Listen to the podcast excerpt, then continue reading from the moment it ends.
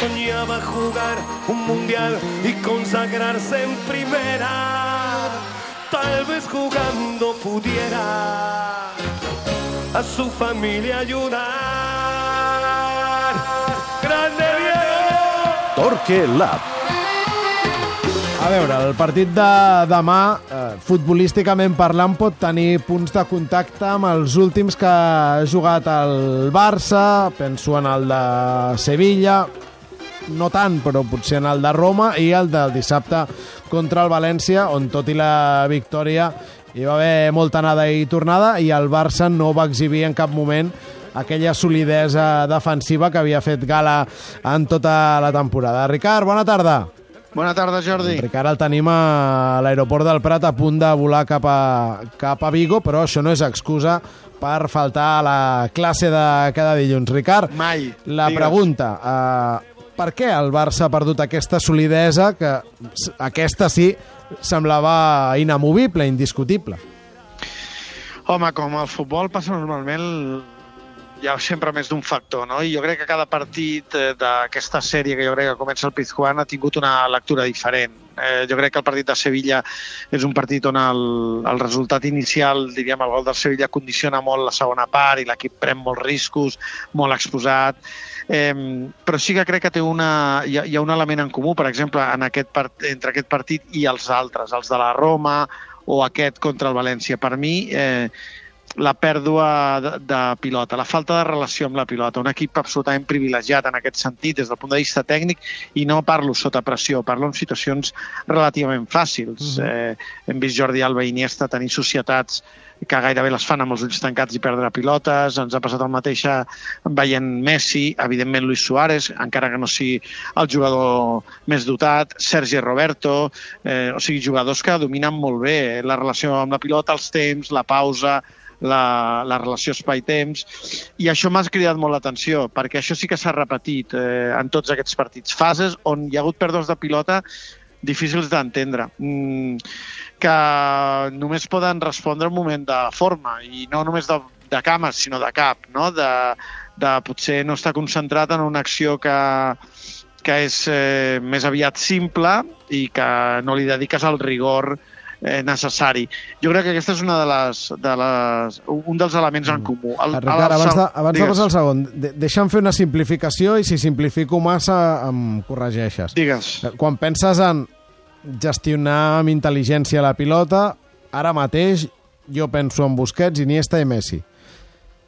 Podria Sí. coincidir, ho dic perquè algú pensarà oh, és que si ens arriben molt és perquè potser estem defensant malament. I a mi la tesi del Ricard la, la compro completament. Potser és que estem atacant pitjor perquè aquests tres, que són la, les tres patums de la gestió de la pilota, no travessen el seu millor moment. Mira, el dia de Sevilla no hi havia Busquets, sinó hi havia Messi, i és un partit on pots entendre-ho i busques aquesta, aquests matisos. Mm. Els partits contra la Roma eh, et, et, fan, et fan preguntes, no? No s'ajunten prou, la pilota no passa prou per ells, sobretot el partit de la Roma. També és veritat que si no se supera la primera línia de pressió és difícil fer-los arribar la pilota, però sí que falta un punt de, de com et diria, d'influència d'ells tres, com dius, en, en el partit. I el partit contra el València, jo crec que de tots els que hem vist és el que millor es va atacar, perquè el segon element, que seria la falta de, de, de, de consistència defensiva a l'àrea, que aquesta, o de la defensa posicional, si vols, que aquesta era una qüestió que el Barça de Valverde l'havia caracteritzat, el dia del València jo crec que va ser el dia mm, més, eh, més clar. Jo crec que el dia del, del València el, el Barça dissabte va atacar bé. O sigui, va atacar bé malgrat aquestes pèrdues de pilota. Va sortir bé des del darrere, va tenir bon control dels ritmes, va saber quan accelerar. En canvi, cada cop que el València va tenir pilota, un equip que està acostumat a atacar amb espais, el Barça li va fer mal. Eh, a la banda de Sergio Roberto Coutinho no va ajudar, quan la pilota arriba a l'àrea el que abans era seguretat ara són dubtes perquè la dinàmica no és bona i perquè tothom té a la memòria els partits i això el futbol també també influeix i jo crec que, que això és el que ha pesat també tant a Sevilla com el segon partit contra la Roma, on la Roma va crear moltes oportunitats, però on el Barça l'àrea és que diríem que gairebé era permeable i, i el dia del València també, on Ter Stegen ho va resoldre. Deixa'm fer un parèntesi estadístic. El Sergi avui ha estat mirant, eh, perquè amb el València ja ens hi hem enfrontat quatre cops aquest any, els xuts a porta que ha concedit el Barça en els tres anteriors comparat amb els que va concedir dissabte. Uh, Sergi, hi ha alguna conclusió que cridi l'atenció? A veure, uh, diríem, uh, no ho sé, vosaltres m'ajudareu ara, eh? A veure... Ja veig que no. No, no sí, sí que m'ha sí que cridat l'atenció, però no sé si és fruit de la casualitat o de l'encert del València, que és que he, he mirat els xuts entre els tres pals i el que consideraríem rematades a porta genèriques, eh? intents de rematada. Aquest últim Barça-València, eh, el conjunt valencianista va, va rematar 17 vegades eh, cap a la porteria. Són moltes, eh? De les quals 6 entre els tres pals. El tant per cent de, de xuts que anaven entre els tres pals, per tant, és de més del 30%, mm. 6 de 17. I és el tant per cent més elevat de tots els precedents que tenim aquesta temporada en, en València i Barça. Per exemple, el primer va ser el novembre a la Lliga, sí. a Mestalla, el Barça va concedir 9 rematades del València, només una entre els tres pals.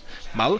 Després tenim els precedents de Copa, tenim el del 1 de febrer, el Camp Nou, Barça-València, eh, va concedir al Barça 4 rematades del València a porteria, només una de les 4 entre les tres pals, i on sí que es dispara moltíssim és a Mestalla a la tornada de Copa, perquè allà el València remata 15 vegades, això sí, de les 15, 3 entre els tres pals. Sí, però tu dius que no hi ha una conclusió clara.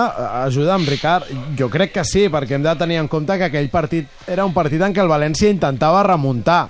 I bé, mm. així i tot, el Barça va concedir menys rematades i tampoc no recordo que fos un partit Vaja, jo el recordo com un dels millors partits del Barça aquesta temporada, amb una, amb una autoritat bestial, cosa que no es pot dir del partit de dissabte.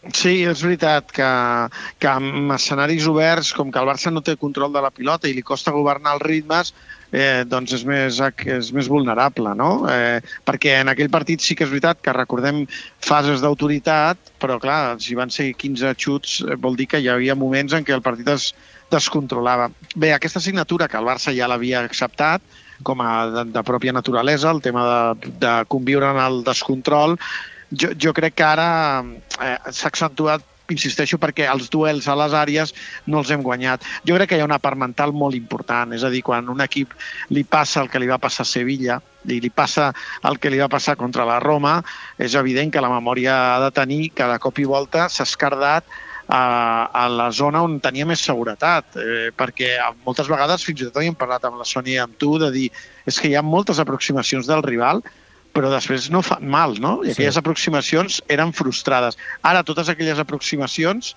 fan més mal, i no mm. crec que sigui una qüestió només del rival, perquè els rivals són els mateixos. Sí, sí. El València ja, ja, ja ha passat no, per fet, Camp Nou i per Mestalla. El dissabte jo escoltava Marcelino molt cofoi amb l'actuació del seu equip, i, i tenia motius per estar-ho, però li vaig voler entendre que no havien guanyat el partit poc menys que perquè no havien volgut o no havien encertat, cosa que a mi em va semblar exagerada.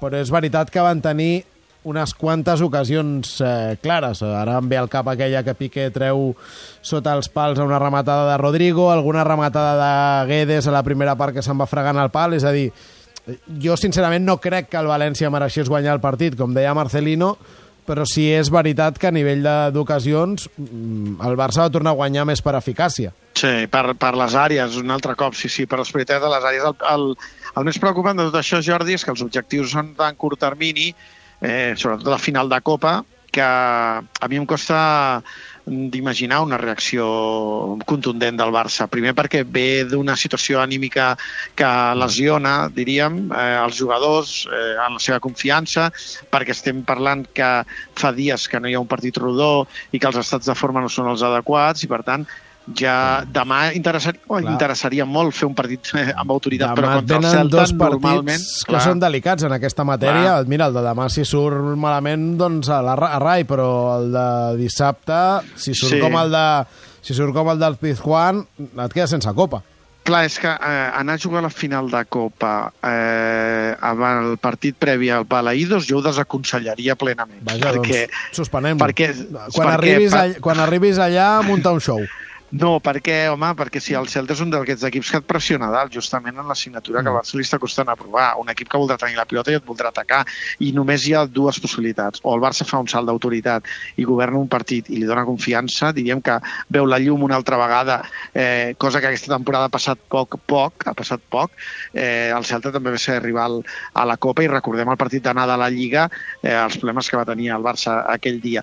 Eh, eh, si el, si el Celta, contra el Celta no fa això, és molt difícil que el Barça arribi contra el Sevilla i tingui un partit relativament controlat contra un equip que ja va demostrar el Pizjuán eh, la facilitat que té per explotar la seva potència física en les transicions, una mica com el València.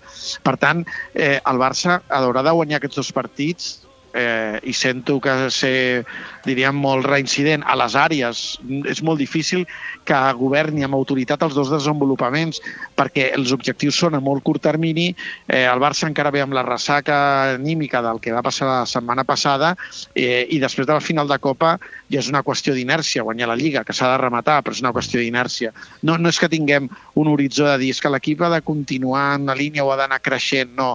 Els objectius són aquesta setmana, ja eh, mm. mitja Lliga i, i ara, la Copa, ara ja i no aquí s'ha de sobreviure. Temps, ja no tenim temps per créixer, hem de, hem de tirar amb el que, amb el que portem posat. Uh, M'encanta que guanyem, perdem, hi hagi un entrenador o un altre, no perdem aquesta mirada, uh, que pot semblar contradictòria però no ho és. Si, si defensem pitjor és perquè no estem atacant amb l'autoritat uh, habitual. Òbviament és una reflexió made in Torquelab. Ricard, gràcies. A tu, Jordi. I bon viatge. Adéu.